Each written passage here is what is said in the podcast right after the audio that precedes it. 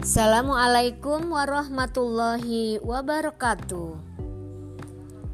Saya Ainaul Mardiah, CGP SMP Negeri 3 Ciawi, Kabupaten Bogor, bermaksud menyampaikan koneksi antar materi dari modul 2.3.A.9 tentang coaching. Bapak Ibu yang saya hormati, insan edukasi yang berbahagia.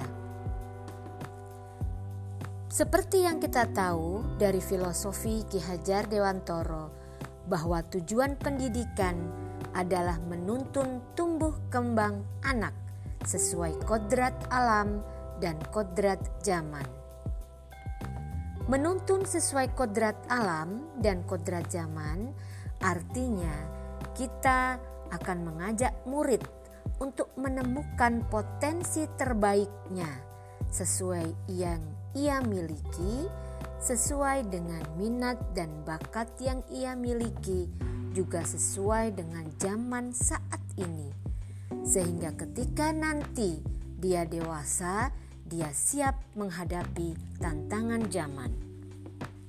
Peran guru adalah menuntun segala kemampuan murid agar menjadi manusia yang terbaik sesuai potensinya menuju kebahagiaan dan keselamatan. Dalam prosesnya, tentu kita akan menemui beberapa hal. Oleh karena itu, diperlukan coaching Coaching adalah proses kolaborasi yang berfokus pada solusi, berorientasi pada hasil yang disusun secara sistematis dengan pertanyaan yang terbuka, sehingga coach memfasilitasi untuk coach mengetahui potensinya, menyadari bahwa dia bisa melalui segala tantangannya. Coaching lebih pada membantu seseorang untuk menumbuhkan kemampuan dirinya.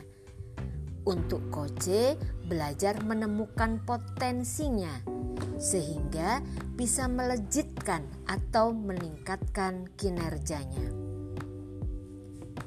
Sebenarnya, proses coaching sangat membantu pembelajaran berdiferensiasi dari proses coaching, kita bisa mengetahui apakah bakat dan minat anak, bagaimana profil murid, dan bagaimana murid bisa menemukan potensinya dengan kemampuan yang dia miliki.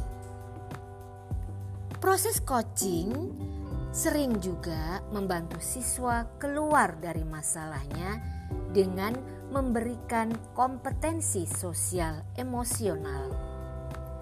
Siswa diberikan beberapa langkah-langkah untuk menemukan kembali kekuatan dirinya melalui kesadaran dalam berkompetensi sosial emosional. Hal ini bisa terlatih secara terulang dalam proses pembelajaran. Pembelajaran akan lebih menarik dan siswa akan merasa nyaman dan gembira apabila dalam pembelajaran kita sehari-hari memasukkan pembelajaran berdiferensiasi dan kompetensi sosial emosional. Siswa diajak untuk merasa gembira sehingga mereka akan merasa bahwa yang mereka pelajari adalah sesuai dengan kebutuhan mereka, dan mereka pun bersemangat dalam mengikuti pembelajaran. Mereka terlibat langsung dan aktif, sehingga mereka menemukan ilmu dan menemukan potensi dirinya untuk menghadapi tantangan ke depan. Oleh karena itu, Bapak Ibu yang kami hormati, proses coaching dengan model Tirta sangat membantu dalam proses pembelajaran berdiferensiasi dan pembelajaran yang memasukkan kompetensi sosial emosional di dalamnya.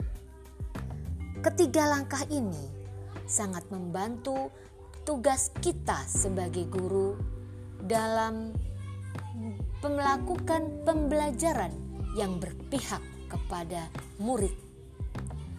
Kita, profesi kita sebagai guru, akan bertahap terus pelan-pelan dan semakin baik dalam menjalankan pendidikan yang berpihak pada murid apabila proses coaching ini tepat dilakukan dan kita akan menjadi guru yang menyenangkan bagi murid.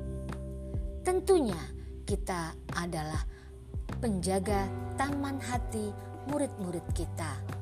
Kita yang akan menemani mereka walaupun mereka berbeda-beda unik, namun kita dapat memberikan pelayanan sesuai dengan kebutuhan mereka. Dan kita pun dapat memberikan suasana yang menyenangkan dengan memasukkan unsur kompetensi sosial emosional. Demikian dari saya, semoga kita mampu menjadi guru yang menjalankan pendidikan yang berpihak pada murid. Selamat bertransformasi pendidikan bersama guru penggerak Indonesia Maju. Assalamualaikum warahmatullahi wabarakatuh.